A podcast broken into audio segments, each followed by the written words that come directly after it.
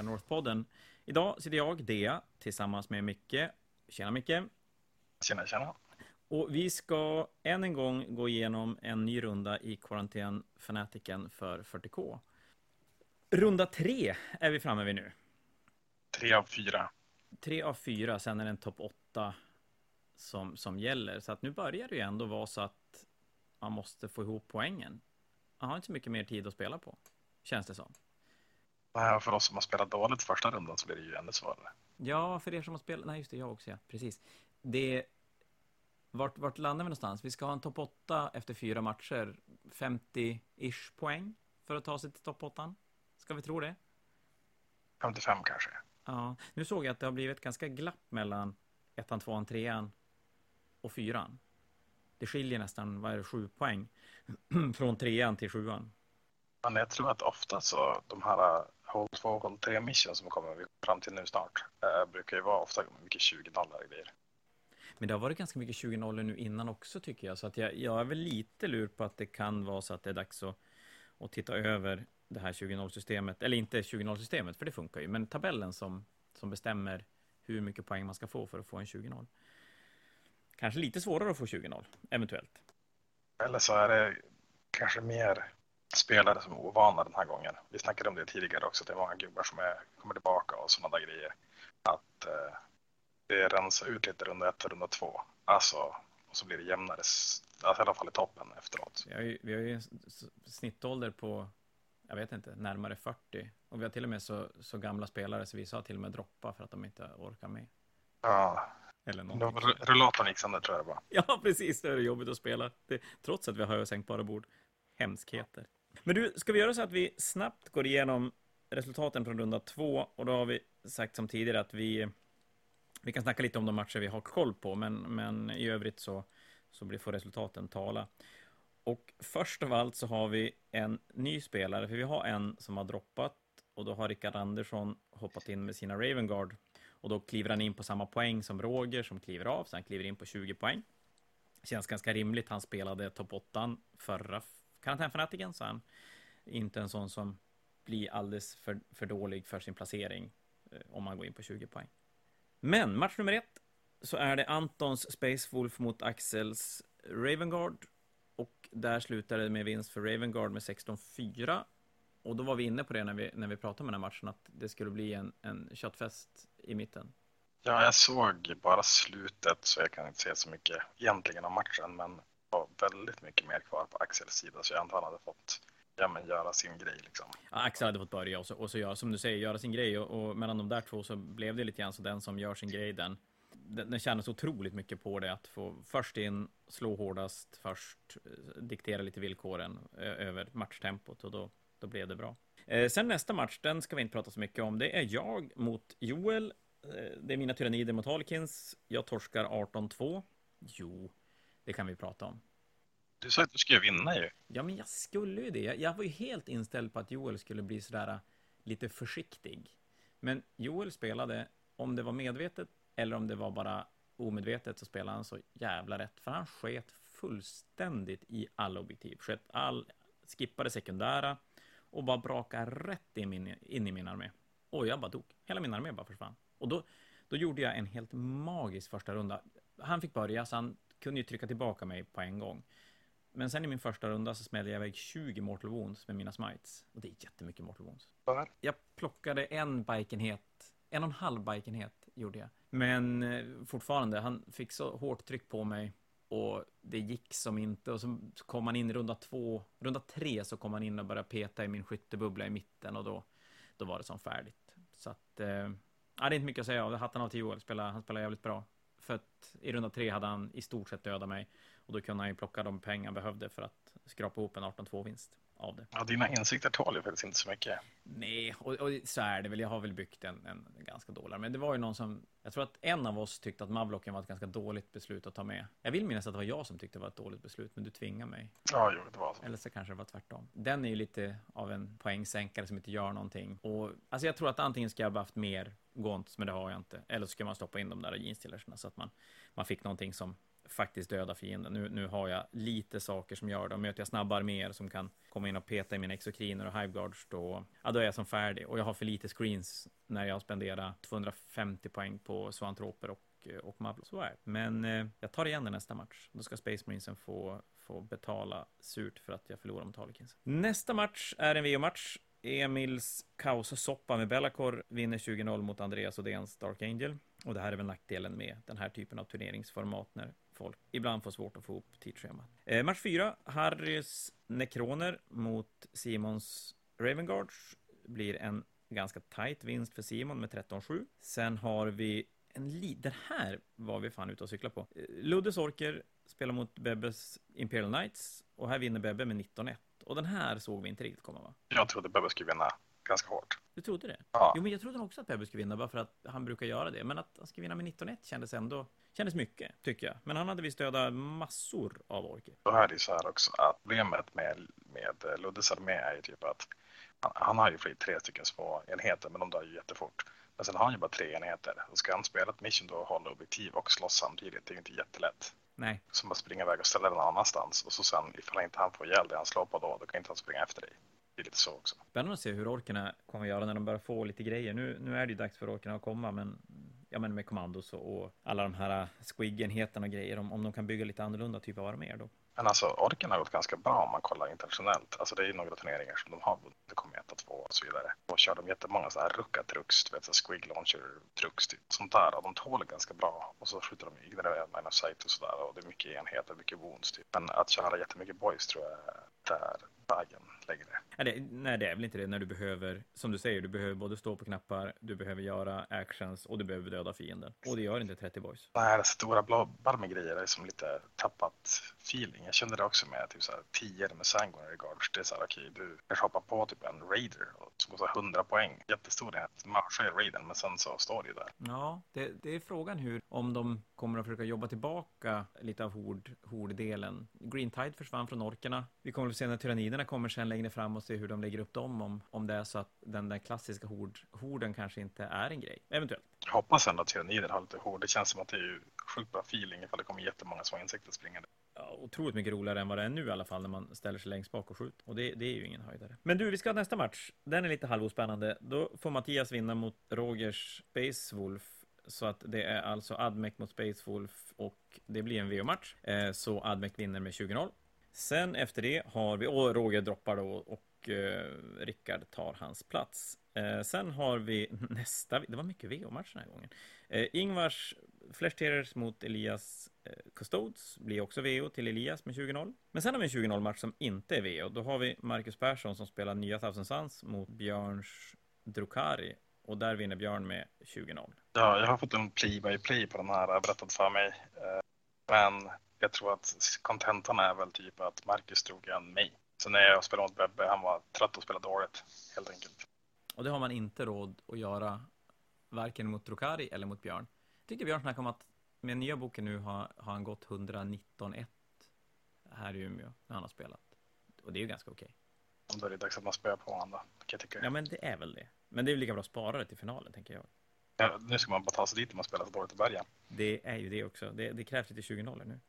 Eh, nästa match på listan är också en ny bok. Då har vi Linus Karlssons Grey Knights som också hade uppdaterat med nya, med nya kodexet mot Mattias Eglunds Necrons. Och det blev en tight Grey Knight-vinst med 12-8.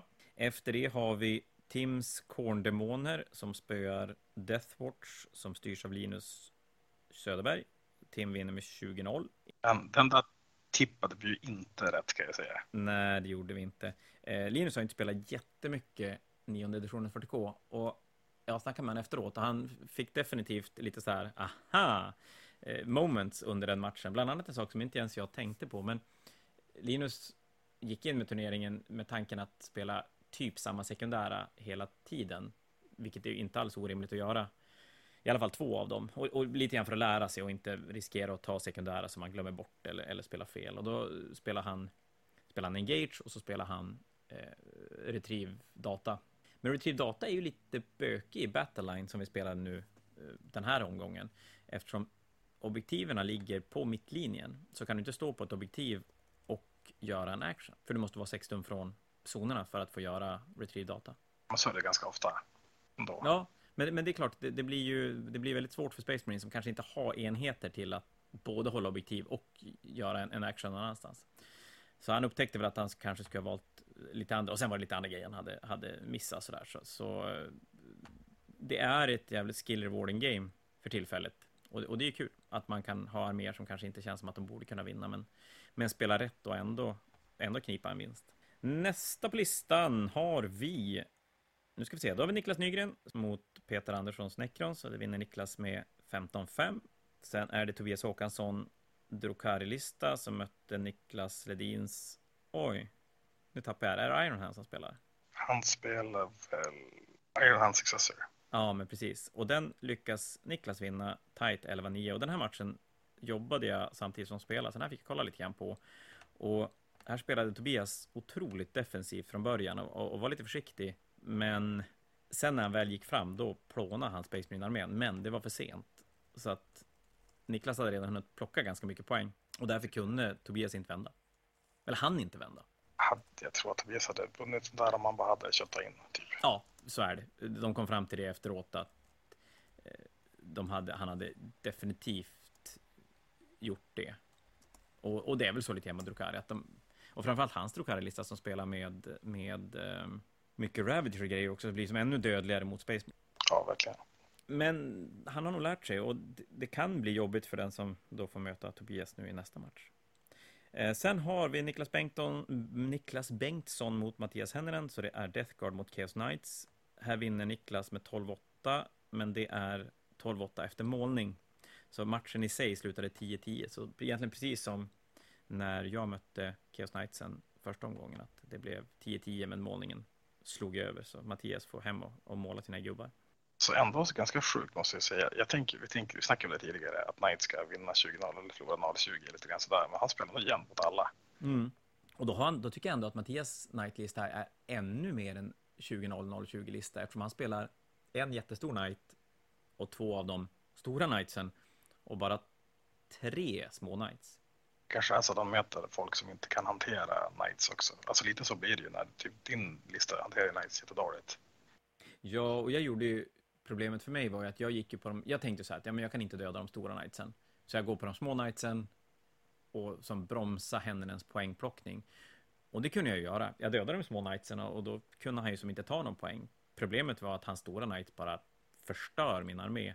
Och det gör att jag kan inte ta någon poäng heller. Så att skulle jag spela om den matchen mot, mot Hennenen, då skulle jag nog hellre gå på de stora knightsen. Lyckas jag döda dem, då vinner jag mycket. Lyckas jag inte döda dem, då förlorar jag mycket. Men jag skulle ta den gamlingen istället. Mm. Och mot Bengtsson, han, hans närstrid är ju jättebra mot Knightsen, men det tar ett par runder för att komma fram. Ja, och det är klart, de här, den här största Knighten, den dödar ju jättemycket på vägen. Och så är de ju så snabba, så han kan ju hålla sig borta från, jag säga Blightlord-enheten. Knightsen kan ju som springa ifrån den. Jo, jo, så är det ju. Men det är svårt att springa ifrån dem på ett eh, objektiv. När det är fyra objektiv, då vill du gärna komma mot objektiven. Ja, det är spännande att se hur Niklas, jag tänker mig, ja, där borde han ju kunna ha, ha i alla fall hugga två objektiv ganska hårt och tvinga Knightsen att komma dit. Med tanke på att Tenninen spelar en Nashis Knight också, så att han, han tappar ju ganska mycket gun, eh, firepower på grund av det. Men vi får väl, eh, vi får ta in dem för, en, för en, ett förhör längre fram och lyssna på vad faktiskt som hände. Med match nummer 14 har vi Kristoffer Lindfors Death Guard-lista mot Bragers, Anders Brager då, eh, Dark Angel. Och det slutade 20-0 till Kristoffer. Där försökte Anders ta sig an Mortarion. Det lyckades han inte med. Och sen snöbollar iväg. Match nummer 15 är väl kanske den vi hade mest fel på känner jag. Då har vi Roberts Admek som mötte Andrejs systrar och där vinner Andrej med 20-0. Ja, jag vet inte vad som är anspel. De spelar samtidigt som vi gjorde, men vi fattade ändå inte vad som hände. Uh, det verkar vara som att uh, typ helt plötsligt så hade han inga Admeks kvar. Nej, det är om, om ja, nej, jag, jag, vet faktiskt inte heller. Det men ett förvånande resultat. Men, men eh, dock ändå roligt när det inte alltid blir som man hade tänkt sig. I alla fall när man står som publik och tittar på. Eh, sen har vi match nummer 16. Ola, de, även Deathguard. Olas Deathguard mot dina Eldar. Ja. Du vinner 20-0. Ja, jag var lite osäker från början för han har sjukt mycket kroppar. Alltså, han trollade ju fram 20 poxwalkers som har dött också, så han hade ju typ 97 poxwalkers och 20 Terminators och du vet Possessed och Spawns allt vad det nu var liksom. Uh, Och min plan var att eftersom det är ett sånt mission, jag kommer ju inte kunna bråka om objektiven i mitten i början. Det går ju inte. Så att jag tänkte att jag skulle skjuta bort han från objektiven, alltså allt som är obsec. Och sen tvåa med någonting obsec på objektivet, bara för att han inte skulle få poäng. Och det gick bra. Så att runda två och tre då så fick han bara fem och jag fick också bara fem. För att det var så jag tvungen att göra. Och så sen efter det så wipade han typ så då hade jag 15-15. Jag maxade alla mina secondaries och han fick eh, 17 poäng på secondaries totalt tror jag. Det var lite roligt, jag var ju förbi när ni spelade och alltså mängden gubbar Ola ställer på objektiven, framförallt så hans högra objektiv i, i mittzon. Det var så fruktansvärt mycket modeller på det. Jag tänkte, där kommer du aldrig att kunna ta. Men alltså, mina 2D6 Blast var sjukt bra mot Poxwalker ska jag säga. Det kan jag tänka mig. På, om vi kommer tillbaka till det här med att horder kanske inte är det absolut hetaste man, man lirar för tillfället. Nej, det beror ju på vad du möter också. Men jag, jag sköt ju ihjäl. Jag har sett jag snittar på 40 Poxwalkers och 5 Terminators. Första två rundorna, om inte lite mer till och med. Och så sen var innan jag kom in i närstrid. Det var bara skyttet. Och så sen när man brakade närstrid, då försvann bara allt. Ja, det, det förstår jag ju. Att då har du, har du skjutit ihjäl så mycket på vägen fram, då, då blir det jobbigt. Så det var inte så jättemycket liksom snacka om egentligen i matchen. Ola spelade väl ja, men helt okej kan jag säga så. Han gjorde det han hade tänkt göra liksom. Men det var väldigt dåliga trades för han när jag får stå utanför line of sight och bara peppra sönder alla hans smågubbar. Liksom. Ja, just den där matchupen blir det är klart, då blir ju Poxwalkersna inte jättebra. Så är det. Det var verkligen föda för line of sight-pjäserna. Det är därför vi inte ska mötas. Det hade varit kul. Eh, sista matchen, runda två. Patriks Tau mot Simon Ingvarssons systrar. Och där vinner Patrik med 20-0. Det är väl inte så mycket att säga om det än att Patrik Tau är fan livsfarlig att spela mot. Ja, man måste ju veta exakt hur man ska dela med honom.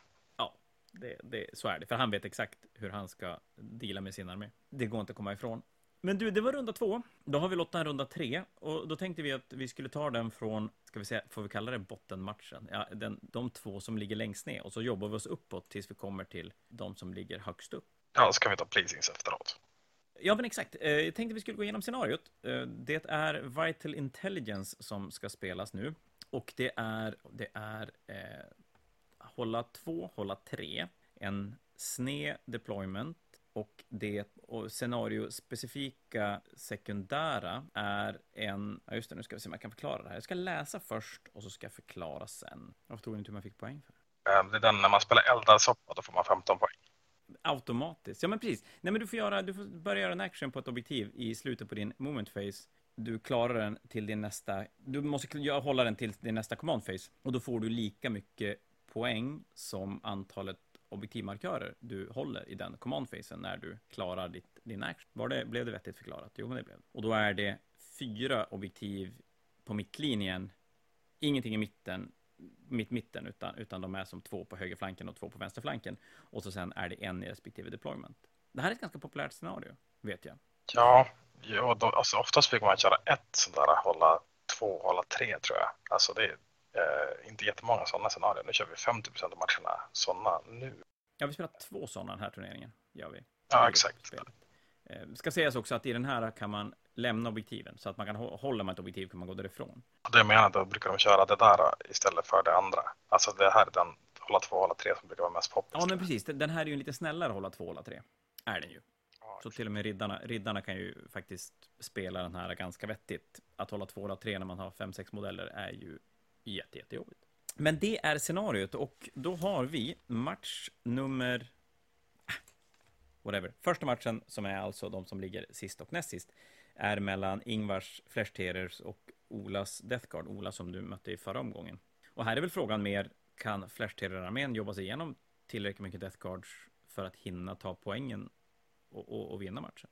Alltså det här är ändå lite klurigt, eh, kan jag tycka jag tror att Ola har verktygen för att deala med Ingvar. Alltså han ställer Poxwalkers framför och sen kör han in med Terminus när grejer kommer in i honom, tänker jag. Ja, men visst, här känns ju ett problem. För, för Ingvar då, om vi tänker oss att alla inte har lyssnat på våran listgenomgång, eller inte kommer ihåg, Ingvar spelar ju en sån här äh, in i ansiktet och slå ihjäl dig-lista utan någon som helst tankar på att hålla objektiv. Om vi hårdrar det lite grann. Men, men det är ju en Det är en lista som, som dödar det mesta i närstrid. Men vad händer när han får stå och grinda sig igenom massor med poxwalker? Hinner han ta poäng? Ja, det blir tungt. Jag tänker typ att, alltså, Ola har ju det här, ett stratagem som gör att han kan ge alla sina poxwalkers plus tre i move, alltså allihopa hela armén. Ja. Då tar han sig fram på alla objektiv runda ett. Så att då blir det ändå så att du måste grinda igenom dem och kan du inte skjuta bort dem får du ju på dig Demonprins och du får Death Shroud så du får Terminators på dig efteråt istället. Då har han ju också den här slåss sist-grejen va?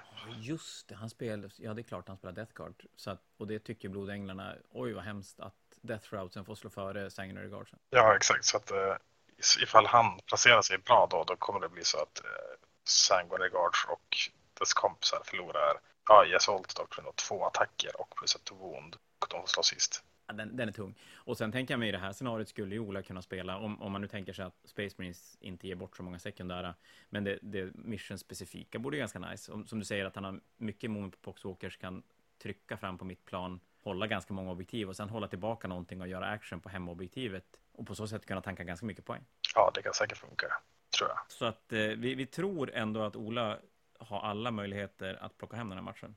Ja, han borde vinna tror jag. Vi rullar vidare. Match nummer två är mellan Linus Söderbergs Deathwatch och Anders Bragers Dark Angel.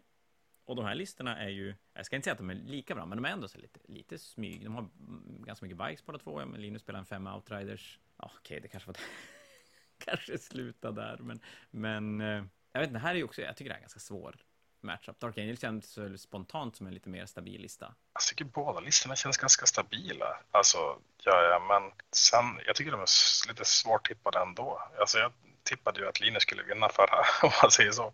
Så att eh, i nuläget så är det väl, jag tror typ att Linus borde kanske vinna ändå. Kanske får hålla den ganska öppen. Det är ju ändå så att när nu ska vi se, nu ska jag inte kliva på något tår, men ingen får ta åt sig, ta illa vid sig i alla fall. Ta åt sig kan man göra, men inte ta illa vid sig. Men ligger man här nere och har samlat ihop en, en ganska mager eh, poängskörd, då kan det ju vara så att det väljs kanske lite sekundära som inte riktigt är optimal för, för situationen. Och det gör ju ganska stor skillnad. Då kan ju en bra armé som, som borde kunna vinna ändå, ändå tappa det. Att man inte helt enkelt tar tillräckligt mycket poäng. Ja, så kanske de är lite inne i, det är de som säkert är lite inne i åttonde också tycker att det är jättekul att slakta varandra. Och då kan det ju bli så också att det är lite random vem som vinner. För att den som kommer ihåg och slakta på rätt knappar vinner kanske, eller vad man ska säga. Ja, ja men så är det ju. Äh, går man in för att döda då, då är det ju väldigt svårt att förutspå hur, hur matchen kommer att sluta, för då kan det hänga mycket på vart, vart hamnade striderna någonstans och, och lite grann vilken tur dödar man och så. Det, det finns så mycket om moment. Så att vi, vi, jag säger att jag tror att, jag tror att Brager kommer att vinna, kanske lite igen på att han har spelat mer 40K, mer nionde. Jag, jag, tror att han har lite, lite bättre koll på hur spelet ska spelas. Samma då säger Linus bara för kul. Gör det. Jag har ju ändå alltid fel, så det spelar ingen roll. Så där, då kommer den här matchen sluta oavgjord. Det är bra att någon av oss får rätt. Ja, då, då säger vi... För kommer alla spela oavgjort istället.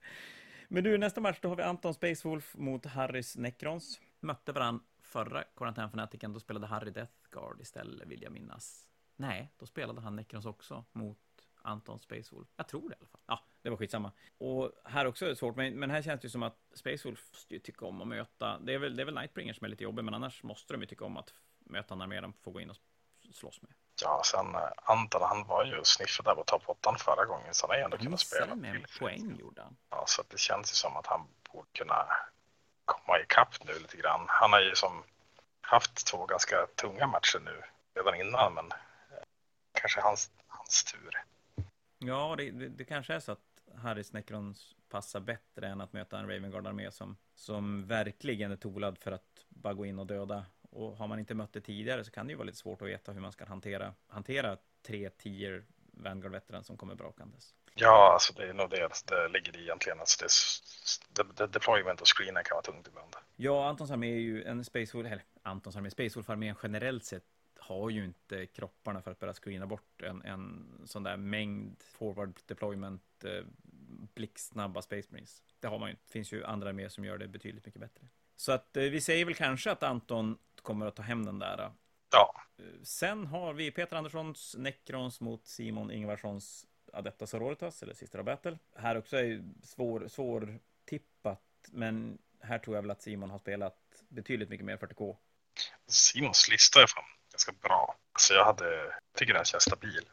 Så att kolla bara lista mot lista så tror jag att Simon borde vinna alla gånger. Ja, för Simon spelar, han spelar lite sakrisanter och han spelar lite Paragon Warsuits och sådär. Det, det känns som att han har plockat Retributors, sådana grejer som kan droppa ner och göra actions. Han har liksom en ganska bra lista överlag tycker jag. Mm. Peter spelar Nightbringer och eh, Scorptech Destroyers och en Scorptech Lord som ska in och slåss. Och, och, det är väl att i den listan tror jag det hänger, för Peter tror jag det hänger mycket på att Nightbringer får göra sin grej. Ja. Systrarna hanterar inte Nightbringer jättebra.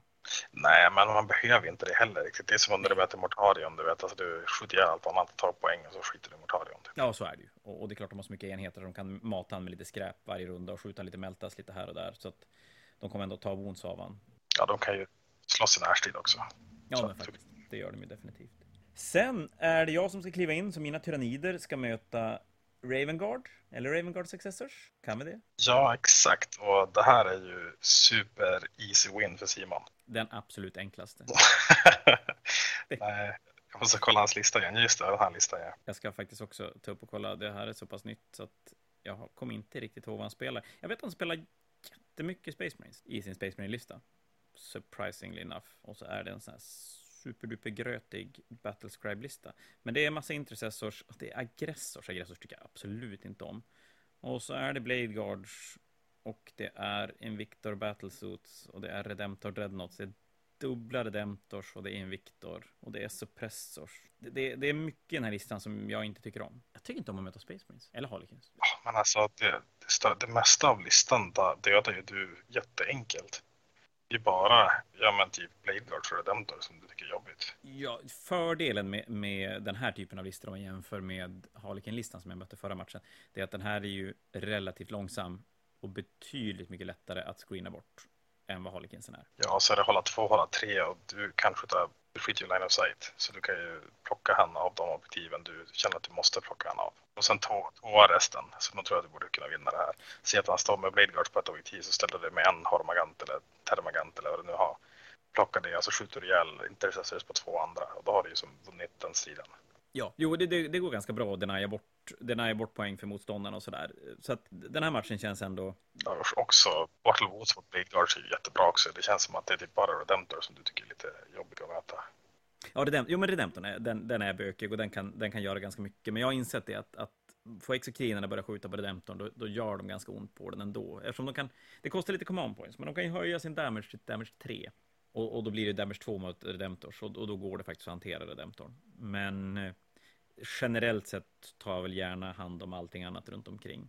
Eh, det jag måste vara försiktig med här, det är väl att försöka screena bort så att inte det kommer ner några, några suppressors och aggressor som kan börja skjuta på det som faktiskt spelar roll i min lista. Men jag har ganska mycket drops så att jag bör kunna fylla min deployment och göra det ganska svårt för Simon att, att rymmas någonstans. Ja, du kan ju skriva bort nästan vad som helst. Ja, jo men absolut. Och, och, och, spela, spela, sekundära, spela sekundära ganska bra också. Jag vet inte hur mycket karaktärer Simon har. Han spelar en Chaptermaster in Phobos Armor, en Librarian, en Lieutenant. Han spelar tre karaktärer ser det ut att vara. Ja, jag satt och funderade på lite grann sekundära, men, men eh, det ska jag fundera mer på sen. Det är, typ, det är ingen sån här... Eh, nej, det var ingen apotekare i rätten tror jag. Mm, jag tycker inte heller det. Ni ska veta det att vissa av de här Battlescribe-listorna som skickas in är fruktansvärt grötiga. Det är bara en vägg av text och... Men du får väl ganska mycket på uh, No Prisoners istället. Vi ser, vi har Inte 20 intercessors. Så det är 40 wounds där. Och så har du 5 aggressors. Det är 15 wounds till. Så det är 55 wounds. Sen har du Blade Veterans, fem stycken. Då har du best 60 wounds. Sen har du Suppressors, Eliminator, Eliminator. Ja, kanske bara en 70 wounds. Det är typ 7 poäng, det är inte så mycket. Ja, nej, det är inte så mycket. Då, då kanske man får titta på en mental interrogation eventuellt istället. Ja, men det, det kan du ta. Det är jättebra, speciellt nu när det är mycket objektiv i mitten. Då kan du säkert förhöra någon rackare. Ja, springa fram och fråga hur läget är. Så jag tänker mig att Simon, jag ska vinna.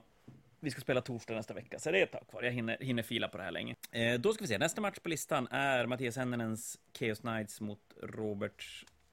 Uh, oj, jag höll på att säga Astra Militarum, men Adeptus Mechanicus är det ju självklart han spelar. Här har vi ju tänkt att Roberts Admec-lista ska som gå in och bara, bara göra det, men den har ju som inte gjort det än. Nej, men kollar man på den så borde han ju kötta. Ja. ja, faktiskt. Jättemycket laskanoner. Han har ju ja, men, bra skott och flyg och allt möjligt. Jo, han borde skjuta sönder de där knightsen jättefort. Det, det, ja, jag, jag tror att det här är en... Av alla de här, av alla vi som, som ligger här kring 12-15 poäng så var ju Roberts Admec-lista någonting som jag tror ingen var så himla sugen på att möta. Ska jag ärligt säga. Jag tror inte det heller. Så att den, nej, jag tror Henninen får, får, får det tungt mot den där listan. Men han har gjort det bra hittills. Han har ju ändå... Mm. Nästa match, har du fått någon lista där på Rickard Andersson? Eh, det har jag. Jag har ju varit svinduktig på att lägga upp den på... Nej, det har jag inte gjort. Eh, vi ska dra den listan. Rickard hoppar som sagt in istället för Roger efter att ha kommit tillbaka efter lite sommarledigt. Eh, Rickard spelar en Ravengard-lista och var som sagt med på förra Quarantän-fanatiken och gick topp 8, förlorade semi... Nej, förlorade mm, i kvarten, gjorde han. Mot Ginster kallt va? Ja, men just det, han fick möta Viktors Ginster Kult och aldrig spela mot dem tidigare. Försökte få någon match innan, men lyckades inte få ihop någon, någon match innan och det är klart att möta Kulten och aldrig gjort det förut. Det är halv halvbökigt. Det ska sägas att det är ingen kultarmé med den här vändan. Det var en liten side-note. Men du, Rickards lista, han har en eh, primarisk kapten och en chaplain, primary chaplain på bike. Eh, sen spelar han en assault intercessor-enhet, en 10 assault intercessors. Det är två femmer infiltrators och en femma intercessors. En trea aggressors med bolters, en femma blade guard veterans, en Victor battlesuit, en judiciary, en primary apotekare som är uppgraderad till Chief, Chief Apothecary. Eh, en redemptor med plasma. Nej, förlåt. En, en redemptor med uh, Gatling kan det. En tre suppressors, en tre eliminators och en tre eradicators.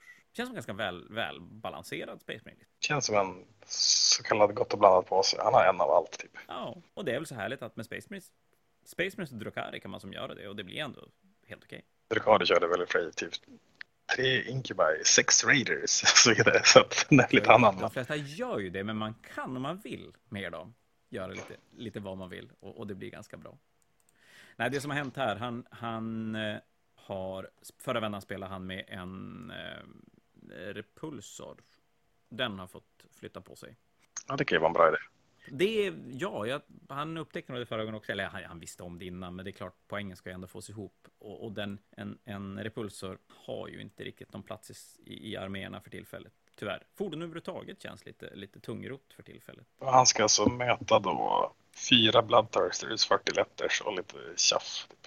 Ja, han ska möta Tims Korndemoner med som du säger fyra, fyra blodtörstare, Bloodletters och Skull Cannons jättemärklig lista. Är det. Den ska vara in och slåss. Den spöade Space Marines med 20-0, runda två. Kan den göra om samma sak och spöa Space Marines igen med 20-0? Jag tror inte det. Jag borde inte göra. Alltså jag känner typ att, som ett bra exempel. Jag eh, skulle testa att spela Andreas Knights mot Linus en gång. Eller jag spelade ett par matcher till och med och det gick jättedåligt. Men poängen är den här. Du springer med en stor knight. En stor knight är ganska mycket farligare än en blodtörstare. Mm. Och så springer du in i fem stycken Bailguard veterans. Och så han bara, ett command point. Du går på fyra. Och sen har du fyra plus invel på det också. Så du slår dina fem attacker med din blodtörstare, säger vi. Och så träffar du tre. Och så våndar du ja, två i bästa fall. Och så säger han en och då dör det en Bailguard veteran.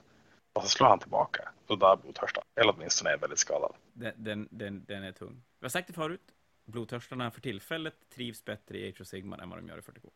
Alltså det är ju skitsvårt att spela med sådana tunga, stora, arga monster. Var det var blodtörstare eller tyrannidmonster eller vad det än är. Och så sen kommer transhuman plötsligt. Okej, okay, jag har styrka 16 men jag vånar på 4. Ja, det tar verkligen stopp. Gör det. Och sen kommer ett innovativ på det också, då blir det jättejobbigt. Ja, som du säger, men även om man ska ha 10 attacker och träffa, ja men även om man ska träffa 10 attacker, så är det så här, du vånar 5 och sen sevas det bort 3. Och då är det två som går igenom. Sen kommer en apotekare och ressar en kille. Så ja, ja men exakt. Och, och, då snackar ja. vi ändå med blodtörstare som skulle kunna få träffa tio attacker. Och det, det, gör den ju inte, för den har ju inte tio attacker.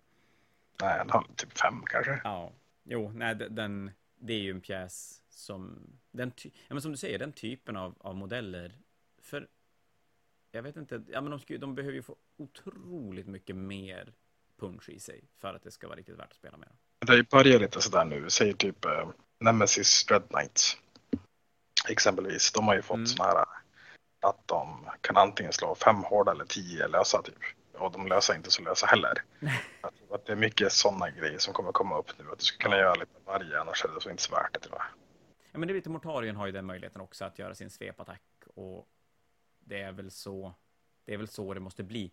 Eller alternativet är ju att de får den här Gashgull eh, Nightbringer-regeln så att de inte bara dör när, på tillbakasvängen. Så att de kan gå in och grinda, eller de kan gå in och slåss mot saker som, som är bra för dem och råkar de hamna i saker som är sämre för dem, då, då dör de inte på en gång, utan de, de kan stå en stund och, och slåss. Ja, annars blir det nog riktigt tufft. Och Space Marines är både bra på närstrid och skytte, så att du får ju som... Nej, jag tror att det blir jättesvårt för Tim, faktiskt. Vi, vi säger så, att Rickard går in med 20 poäng och plockar i alla fall 16 poäng till. Ja. Men du, sen är det du som ska gå in och vinna 20-0 igen, är det så? Ja, exakt så är det. Möter då Axels Ravengard. Då facear du tre stycken 10 Vanguard Veterans. Och det är typ det. Är typ det. Ja, och sen har han ju lite eradicators och tjaff. Alltså typ suppressors och grejer. Och det han vill göra det är ju typ att han vill absoluta runda ett. Det är det absolut viktigaste för hans armé. Och det är 50-50 om man får det. Och då kan han ha eh, två stycken 10 Vanguards in i min deployment zone direkt. Även om jag alltså, deployar långt bak. Ja. Det spelar ingen roll. Och det är väl det som han lever på lite grann i armén. Att göra så och springa och chargea. Han kan springa och chargea grejer bakom också men de tas ju inte hela vägen fram om man deployar lite grann bakåt.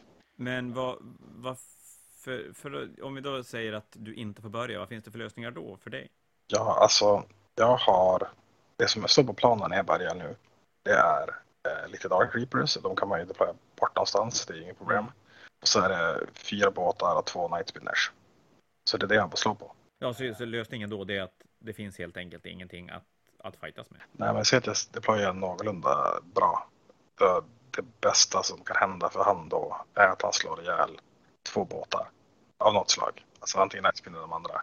Och så sen är jag kvar resten. Så jag ser att han slår ihjäl två stycken Raiders då. Alltså mot all förmodan, då har han dödat 200 poäng. Medan mot andra arméer så kanske han inte kan ha dödat 600 poäng. Men då gör du så att du deployar helt enkelt för att gå tvåa? Men det gör jag alltid. Det är det som okay, är fördelen. Ja, ja, jag, har aldrig, jag deployar aldrig någonsin för Welta. Uh, inte med den här listan i alla fall. Nej. Så att, ja, så, och så sen jag kan ju stoppa fram massa smågubbar och screena också och försöka bygga liksom en bubbla och se till att han bara kommer in på typ fem Cabalites eller något sånt där om jag kan hitta rätt vinkel och liksom hela den biten. Och är det så så är det ju bara bättre. Alltså jag kan ju ta ut grejer ur båtarna och alltså innan spelet på hur terrängen ser ut. Och så sen bygger jag någon slags en lök så att han bara får döda ja men Cabalite Warriors eller någonting. Ifall det går att göra så. Alltså så man kan typ ja. lägga så att han måste chargea över två screens för att ta sig in i någonting. Och då blir ju nackdelen med Axel sista att han har tre enheter som gör jättejätteont. Men som, som vi pratade om lite tidigare här, att går de in och får bråka med skräp, då, då är det så otroligt svårt för dem att de, de dödar inte tillräckligt mycket för att som ta udden ur din lista och de kan inte plocka poäng heller. Ja, jag har jätte, jättemånga enheter som dödar tio stycken Vanguard Trans. Ja. Jättemånga enheter. Ja, så, så, du, ja, precis. Att det gör ingenting om du tappar lite inkubis för du har tillräckligt mycket för att komma in i och, och bara döda den. Och du skjuter ju faktiskt, till skillnad från Anton då som han mötte förra matchen, som hans Space Wolves skjuter ju väldigt lite och måste ju verkligen möta upp honom på samma villkor. Det, du kan ju som göra båda delarna. Ja, jag både skjuter hårt och slår ganska hårt. Mm. Och grejer, och typ, jag det, det som är bra med min lista överlag är att jag tradar ganska bra. Ser vi typ att en, en succubus med, ja, med piska hela den biten skulle i teorin kunna döda 10 Vanguard själv och hon 60 på. Så att, det, det, det, är bra, det är bra payout.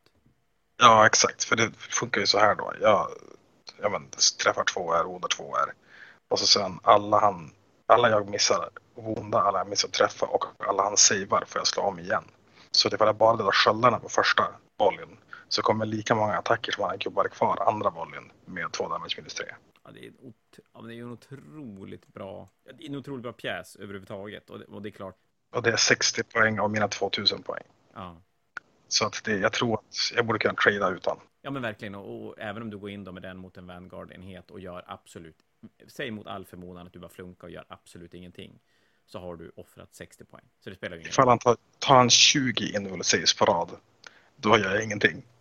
Nej, men exakt. Och, och trots att även om han gör det så är det inte kört. I alla andra matcher så skulle man ju känna att när motståndaren tar 20 invo save i rad, då kan man lika gärna packa upp sina figurer och gå därifrån, för då är det fan färdigt. Ja, nej, men det borde kunna gå ganska bra tror jag. Och då skulle du, ja, det kommer vi till sen, men, men en 20 en 20-0-vinst, det är väl i och för sig nästan ett måste för dig. Inte riktigt, men det skulle vara jävligt bra. Nej, jag tror om jag kanske borde 17, ma- 17 poäng per match på två matcher tror jag jag skulle behöva i alla fall. Ja, För att kunna, men då är det enklare att ta 20-0 nu och sen kunna känna lite lugnet sista matchen. ja, men om jag tar 15-5 då möter jag kanske någon som är jättejobbig. Då, ja, vi ser väl.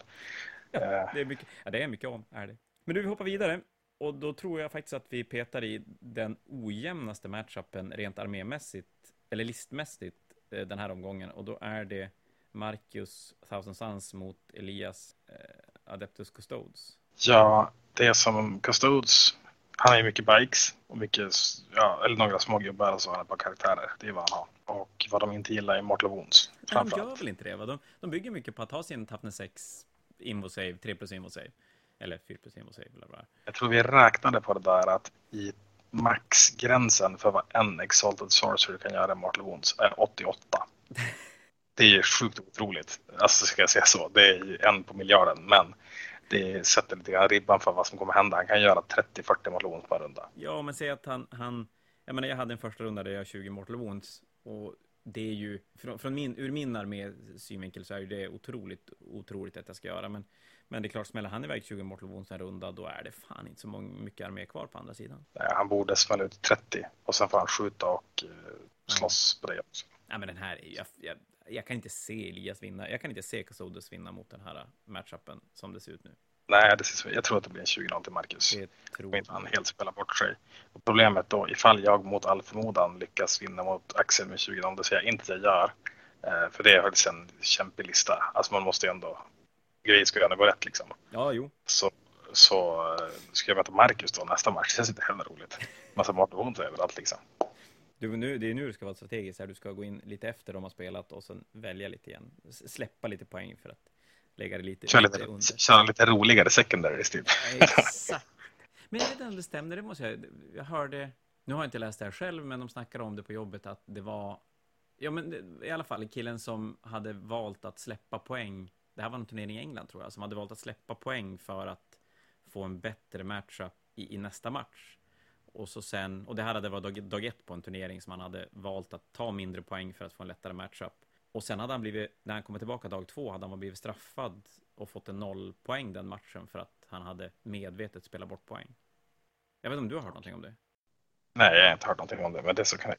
Fantastiskt puckat av turneringsarrangörer att, att gå in och göra en sån sak. Men det var en annan femma. Vi kan grotta i det och ta upp det en annan gång.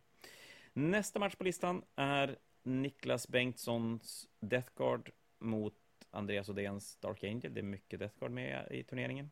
Här är det lite svårt. Andreas förlorar med 20-0 på VO eh, matchen innan, så han har gått 20-0 vinst och sen en 0-20 på VO. Så att vi vet inte riktigt för att vi har Andreas någonstans. Nej, alltså jag tycker att Niklas lista är bra. Eh, om vi börjar där då.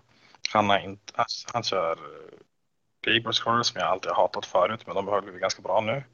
Han kör Blowdrones med eh, gräsklippare som han kan bli ganska bra och de är roliga framförallt. Jag kan snabb med dem och så har han ju en massa godis, Terminators och sånt där som alla kör.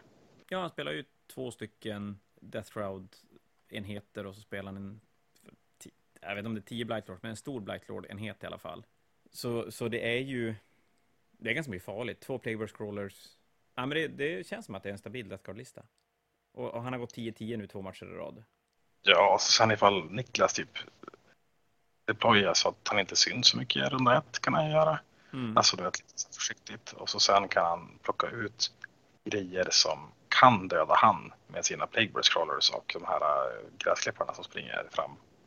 Så borde det ju lösa sig kan jag tycka för han. Ja, sen må, jag tänker Death Shrouds och grejer måste ju vara fantastiskt bra på att slåss mot Deathwing Terminators. Nu spelar inte han... Andre, jo, men Andreas spelar Deathwing Terminators, gör han. Fast inget är så bra på att spela med slåss mot Deathwing Terminators. De har ju typ så här inbyggd transhuman och invul save. Ja, det är ju som jobbigt oavsett vad man gör.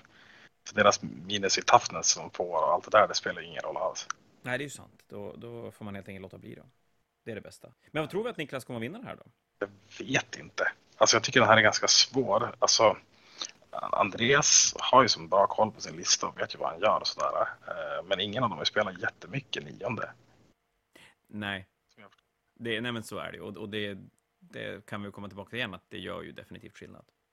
Som om jag bara kollar på gameplay hur de verkar ha spelat innan. Alltså med tanke på att Andreas har vunnit ganska hårt när han har spelat och liksom tänkt igenom och Niklas har spelat ganska jämnt. Så lutar det väl kanske lite mer mot Andreas spelarmässigt kanske.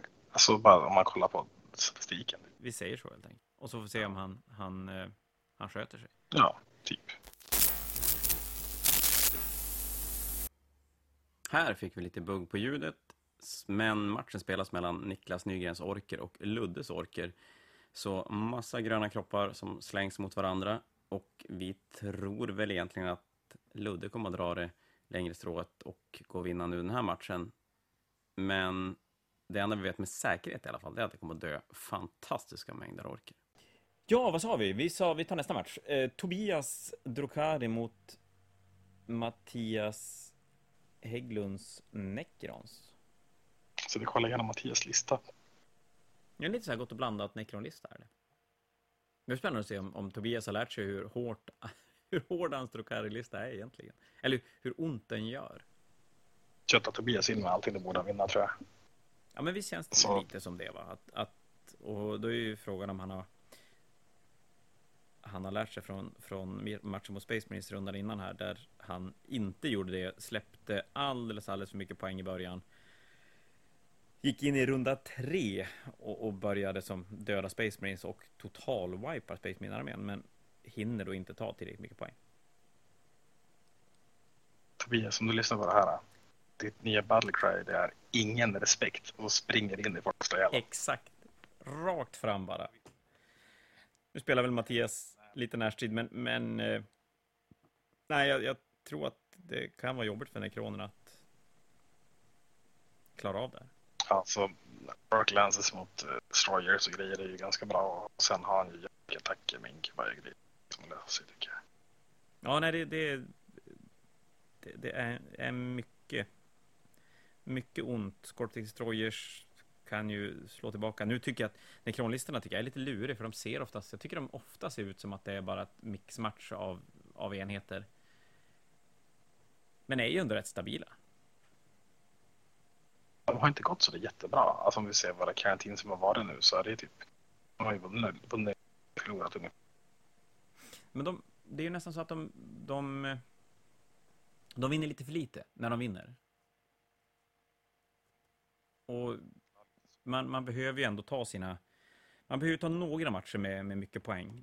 Det, det blir jobbigt annars. Så att... Eh, jag vet inte om, om det är en kronlistan eller om det är en... Om det är en lurar med att spela så att det gör att det är svårt att, att ta mycket poäng. Jag vet inte om det finns tillräckligt mycket olika listor att kika på där ute som, som går bra. Jag har faktiskt lite dålig koll där. Ja, det finns ju de som okej, men i slutet nu så verkar det som att Niklas har fallit av lite grann. Det är någon lista som har tagit sig upp, men det är ganska många som inte har gjort det. Så de möter de ganska mycket admin och och sånt där gris, alltså i, internationellt sett. Så att säga. Ja, men precis. Ja, det är klart nu, och nu är det väl ett... Nu är det väl ganska trångt Drukari Admec-meta för tillfället. Det blir spännande. Nu har det ändå kommit fyra böcker, eller ja, det kom, ja men typ fyra böcker. Det är både, både systrarna, orkerna, Grey Knights och Thousand Suns och se om någon av dem kan röra om lite grann i alla fall. Systrar har gått ganska bra på slutet ja. och Deathcard ganska bra på slutet också. Jag har sett många topp fyra finishes och sådär. Men där har vi ju... Lag verkar okej tycker jag. Ja, det, däremot har vi ju märkt och, och det har vi pratat om tidigare här också att vilken enorm skillnad det gör beroende på hur du väljer att spela, vilket system du väljer att spela. Ja, absolut. Om man kör win-loss, jag såg nu, körde de turnering i Sundsvall och då körde de, nu ska, ja, nu ska jag inte säga för mycket, men jag tror att det var in loss och sen var det, var det poäng, alltså hur mycket poäng du har tagit som, som tiebreaker och ingen mellanskillnad eller sådär. Och det är klart, det blir en annan typ av lister som, som gör bra ifrån sig då, när man ska tanka så mycket poäng som möjligt utan att behöva bry sig om hur mycket poäng du tappar. Men det är lite intressant. Jag har sett många i Sverige som kör battle points. Det vill säga, spela fem matcher och så sen har du jättemycket battle points. Mm. Så, så det är ganska ofta så. Alltså typ säg att du har fått tagit eh, 80 men motståndarna har ibland tagit 90. Sådär, då har du ändå vunnit för att du har så mycket i slutet. Typ. Ja, men Så precis. jag hörde nu andra grejer i USA att det är ganska många som har velat gå över till 20-0. Typ Charity Hammer tror jag det var som spelades och då sa de där men vi kör 20-0 systemet istället för det är bättre. Så att Ja. det börjar få Jag tror att 20-0-systemet kom, kommer att, ska, får vi säga, komma tillbaka lite grann. Faktiskt.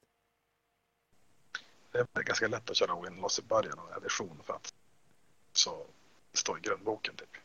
Ja, men- ja men så är det ju. Men jag, jag känns mer och mer som att de, de andra systemen har lite mer problem. Samma sak det här eh, om, om personen som valde att släppa lite poäng för att ändå vinna matchen.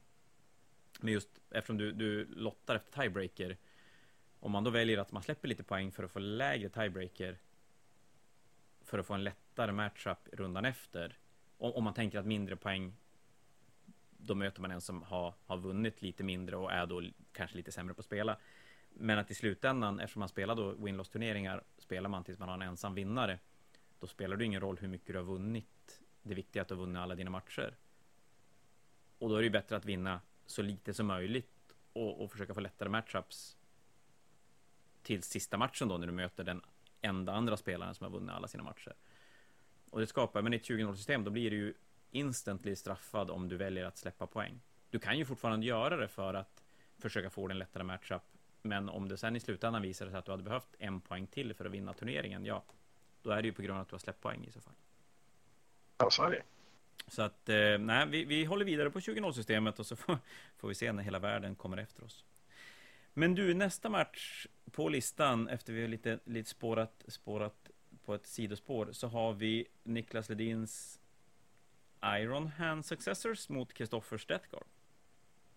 Ja, den här Iron Hands-listan tycker jag är ganska intressant. Han har ju väldigt mycket vis. Alltså han både, han gör som allt. Mm, Ja, det gör den. Och, och Niklas är ju riktigt duktig på att spela. Och som sagt, han mötte ju Drukari i förra omgången och, och eh, trots att han blir sönderskjuten så plockar han så pass mycket poäng första rundorna för att ändå knipa en, en tight vinst. Och jag tror ju att Ledin har både armén han har, han har så mycket enheter och jag tror att han har kunskapen för att kunna hantera Mortario. Ja, han har ganska okej skyttestar också. Jag tror typ det är fall, alltså det är tre tunga enheter på, ja fyra tunga enheter på för sida. Det är Mortalion som är jobbig såklart. Mm.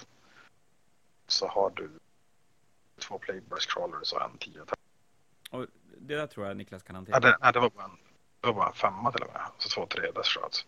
Så att jag tänker typ att får han bara el de tre tyngsta pjäserna då är det inte så mycket kvar att slåss med sen. Nej, och, och som vi sa tidigare, Mortarion kan du ju Framförallt när det är så många objektiv på brädet så kan du ju bara försöka att inte vara där Mortarion är. Men jag tror inte han behöver bry sig så mycket. Han har tio Alien som alltså han kör in med fem sådana som Mortarion bara vunnit på att slå ganska hårt på tillbaka. Och sen kan han skjuta med sina Eradicators eller sina Hellmasters allt vad han nu har och plocka ner. Jag tror att han kan ta ner. Kanske inte en runda men två ledare. Och så sen när det var tagga de här Plagueburst-crawlersen typ. Så det är ett snyggt play om han lyckas ta sig så långt. Köra fram, Typ att köra fram Landspeeder Storms och tagga Plagueburst Crawlers. Exakt.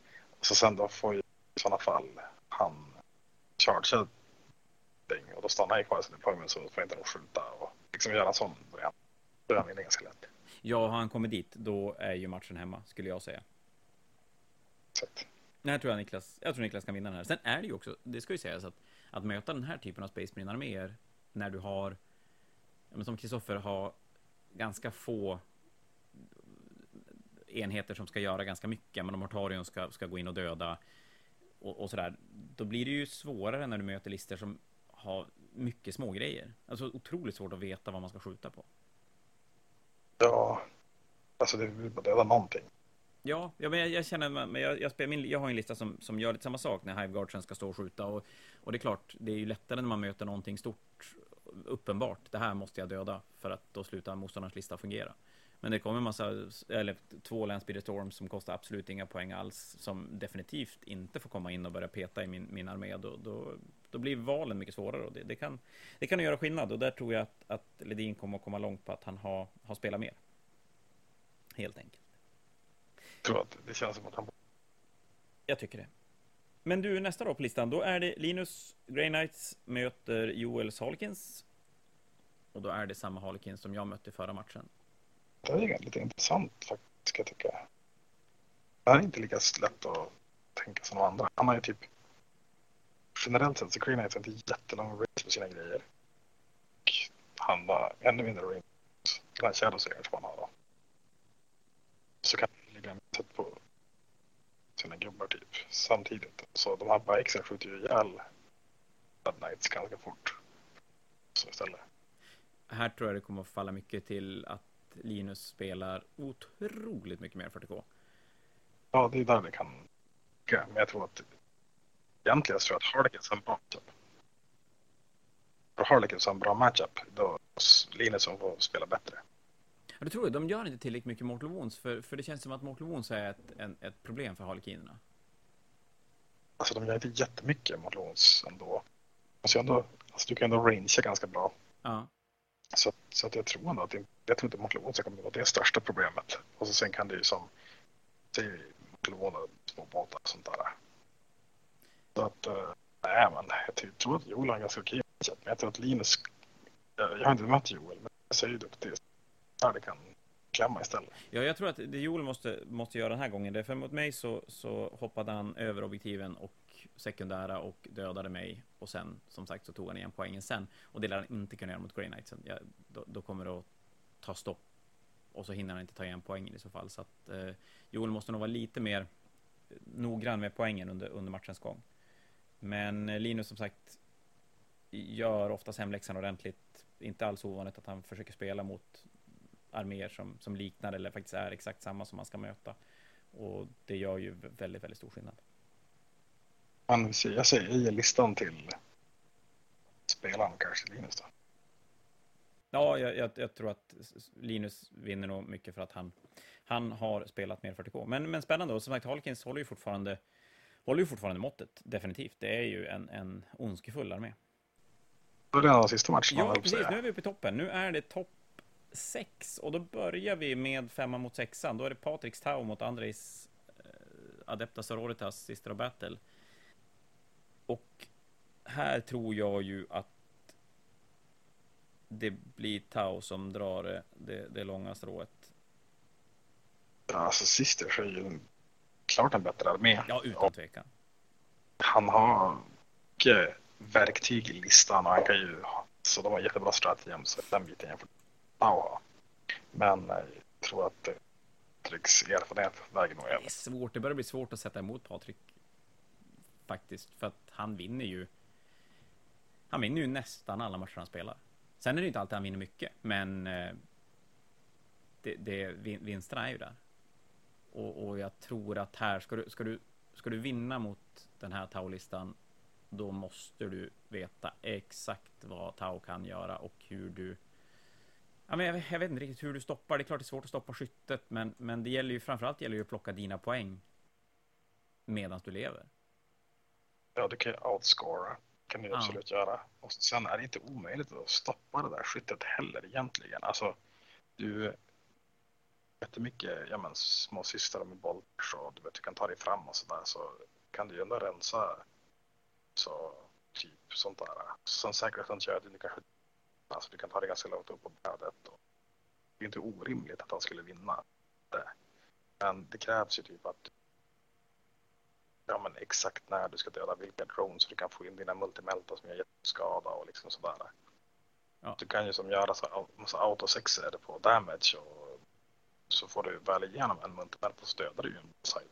Ja, ja men absolut. Men det är klart, då ska du göra det ska göras rätt hela vägen. Det blir lite så, alltså mot, spela mot Tau, även i åttonde, det är lite som att spela schack. Alltså är typ, men jag ställer fram de här fem unitsen och de här fem man ska skydda de två de ska liksom få ihjäl allting. Men du måste ju lägga är eldkraften du vill göra för att du ska vara helt säker. Och sen ska du få in dina små skott efteråt. Då kommer ingen säga och koka ihjäl Ja. som det ska dödas. Liksom. Och sen får du räkna med att man måste ta ett par skytterundor av Riptides. Men det är inte orimligt att alltså, en Riptide dödar hela armén. Alltså från du menar? Så att får, ja, får du ihjäl tre Broadsides då har du ju som tagit bort typ 50 procent av hans skytte. Typ. Ja, eh, men här, Tau lider ju av den här gamla boksyndromen att, att det, det betalas lite för mycket för vad man egentligen får. Och som sagt, kan man hantera, kan man ta bort en, en Riptide eller Broadside-enheten, då tappar han ju otroligt mycket punch i armén. Ja, och så sen vissa matcher har han ju liksom brons och sånt för att typ screena av och ta bort sånt där. Och är de inte i närheten av dina sites eller skepp och grejer, skydda det istället. Så, så att tar sig. Ja, jag såg matchen när han spelade första matchen mot Niklas Bengtssons Death Guard. Och när Blightlord Turnmaterna började komma nära, jävlar vad han fick jobba med screensen och börja placera ut. Han använde till och med sin, sin Warlord, eh, Calder Fireblade, eh, och, och, och screena av för att hålla bort Turnmaterna så länge som möjligt från den här skyttebubblan i mitten. Innan han var tvungen att splittra upp den och börja sticka iväg. Eh, Så, så det är... eh, Men som sagt, jag tror ändå Patrik tar det. det. det en, han har Ja, spelat så, så mycket mer och jag, jag tror att han, han kommer att, att kika ut exakt vad han behöver döda för att, för att skada systrarna så mycket som möjligt. Men du, vi fortsätter. Då har vi Mattias Admek mot Emils demon Soppan Bellacor. Båda de här har en 20-0. Och det är väl en match till och med. Du tänkte Bebbe och Björn? Ja, de är ju De är ju faktiskt, det är faktiskt sant. Vi, vi tar den först. Vi tar Bebbes Imperial Knights mot Björns Drukari. Bebbe har 39 poäng och Björn 40, så de kommer faktiskt före på den bakvända lista vi kör. Så, Bebbes eh, Imperial Knights mot Björns Strokari. De här har spelat den här matchen innan turneringen startade och då vann Björn med 19-1 och det är den poängen han har tappat med sin Drukari-armé än så länge. Jag har svårt att se att det ska bli någonting annorlunda än en stor vinst för Drukari den här omgången. Förutom att det är Bebbe som styr Knightsen. Jag tror att det är lättare den här också. När det, jag vet inte körde, vilket mission de körde sist, men hole 2 och Hole 3 tror jag. Alltså, det är ju... all- Bebben försöker hålla team med små knights, då kommer Björn springa in med fem witches, ställa sig bredvid och sen bara ta bort. Ja, Så gör han ju. Så jag tror att Björn... Men jag tror, tänker att Bebbe kanske har lärt sig lite av sina misstag också, så kanske inte blir... jag tror att det Bebbe nog förmodligen gör här, det är att han inser att den här matchen kan han inte vinna. Och då, nu handlar det bara om att ta så mycket poäng som möjligt för att sätta sig i en bra position inför sista matchen. Och, och där kunna vinna mycket och ta sig in i topp 8. Alltså, jag, tror att, jag tror att Björn vinner, det absolut. Eh, Och det kan sparka iväg, det kan det göra. Jag tror nog att ska kommer försöka sikta mot 10-10. Ja, jag tror, jag tror till och med Bebbe är nöjd med en femma. Att han får fem poäng, för då sitter han på eh, 44. Och då har han ju allting i egna händer sista matchen. Jo. Så, så eh, Ja, men jag, skulle tro, jag tror att 4-5 poäng och jag skulle tro att Bebbe kommer att spela för att, för att skrapa ihop 4-5 poäng. Eh, Björn har ju som ingen anledning att inte gå för, för att vinna 20-0. Eh, För han har ju armén för att göra det mot... Det här är ju en väldigt, väldigt tacksam matchup för honom. Så är det ju. Jag tycker det är lite kul att se det där, för att det känns som att just nu i nuläget så är Björn sista bossen lite grann. Alltså det är han man förväntar sig ska gå till finalen typ. Ja, Så vi, vi ser vilka det är som kan ge en match liksom. Men någonstans kan man ju gå på en mina, så är det ju definitivt. Det, och det är ju... Och den här matchen, för båda de här spelarna, så, så en 10-10 här är ju ingen fara för någon av dem. Det skulle ju vara ett ganska bra resultat för båda två faktiskt. Men, men eh, jag, jag tror också det. Jag tror Björn vinner. Jag tror att Björn kommer att vinna mycket. Men eftersom det är Bebbe som styr Knightsen på andra sidan så, så säger jag nog kanske 15-5 till slut. Ja, det låter inte orimligt. Coolt. Som sagt, vi har ju haft fel förut. Typ hela tiden.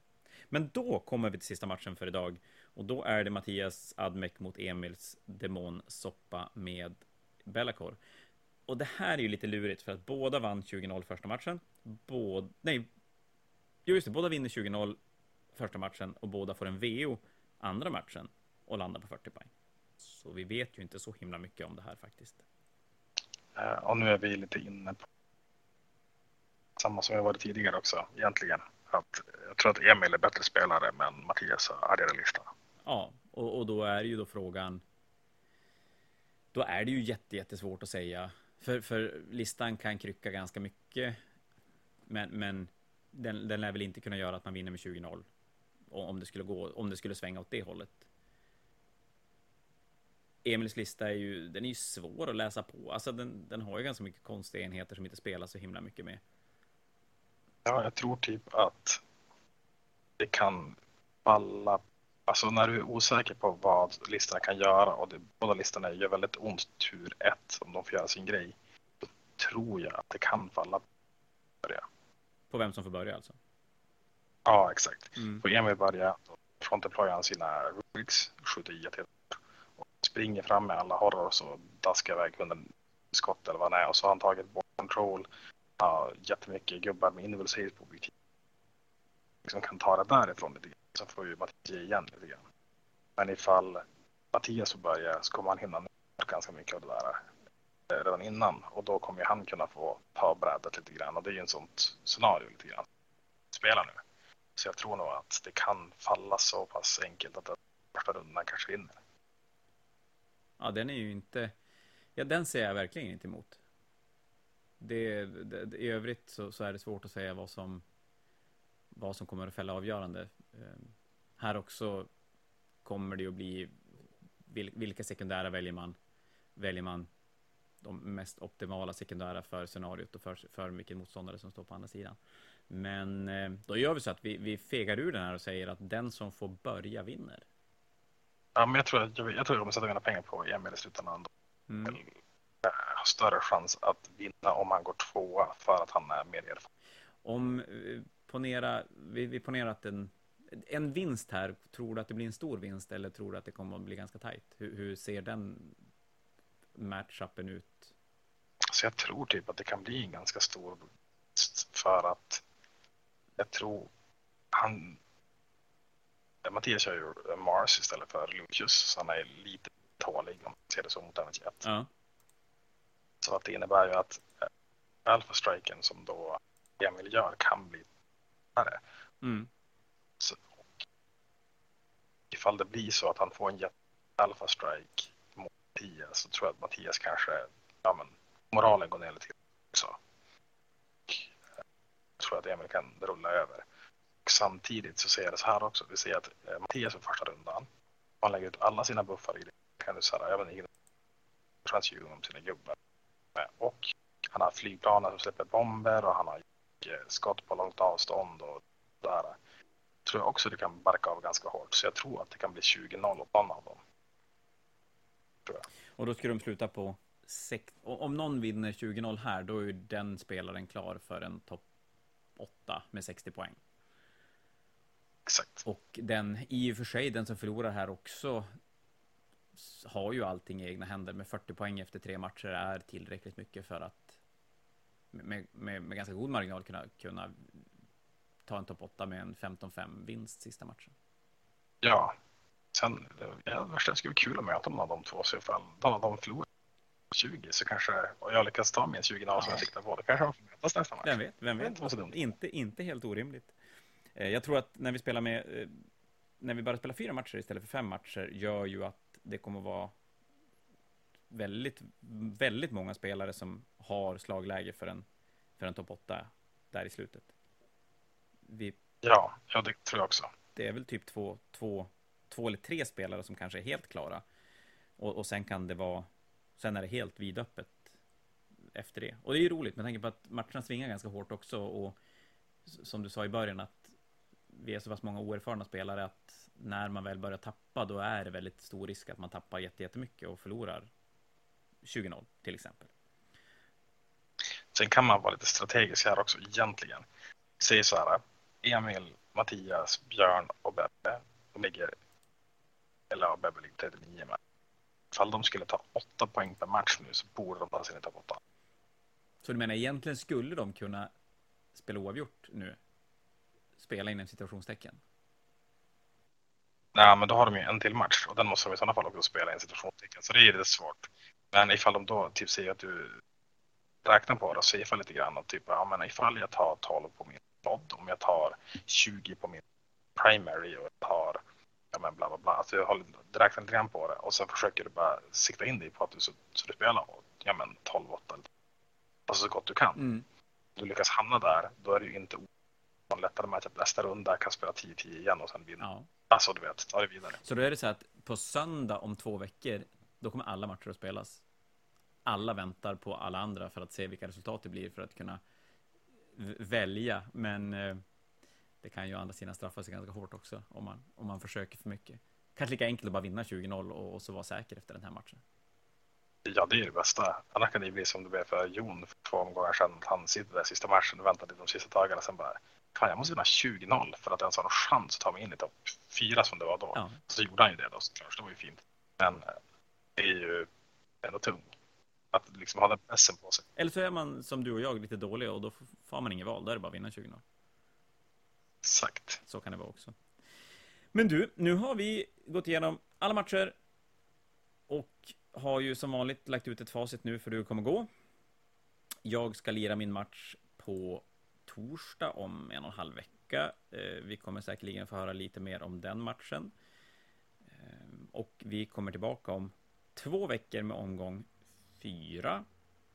Och någon gång däremellan så kommer det ut ett avsnitt där vi ska gå igenom 40K och hur 40K kan se ut när man spelar 1000 poäng competitive.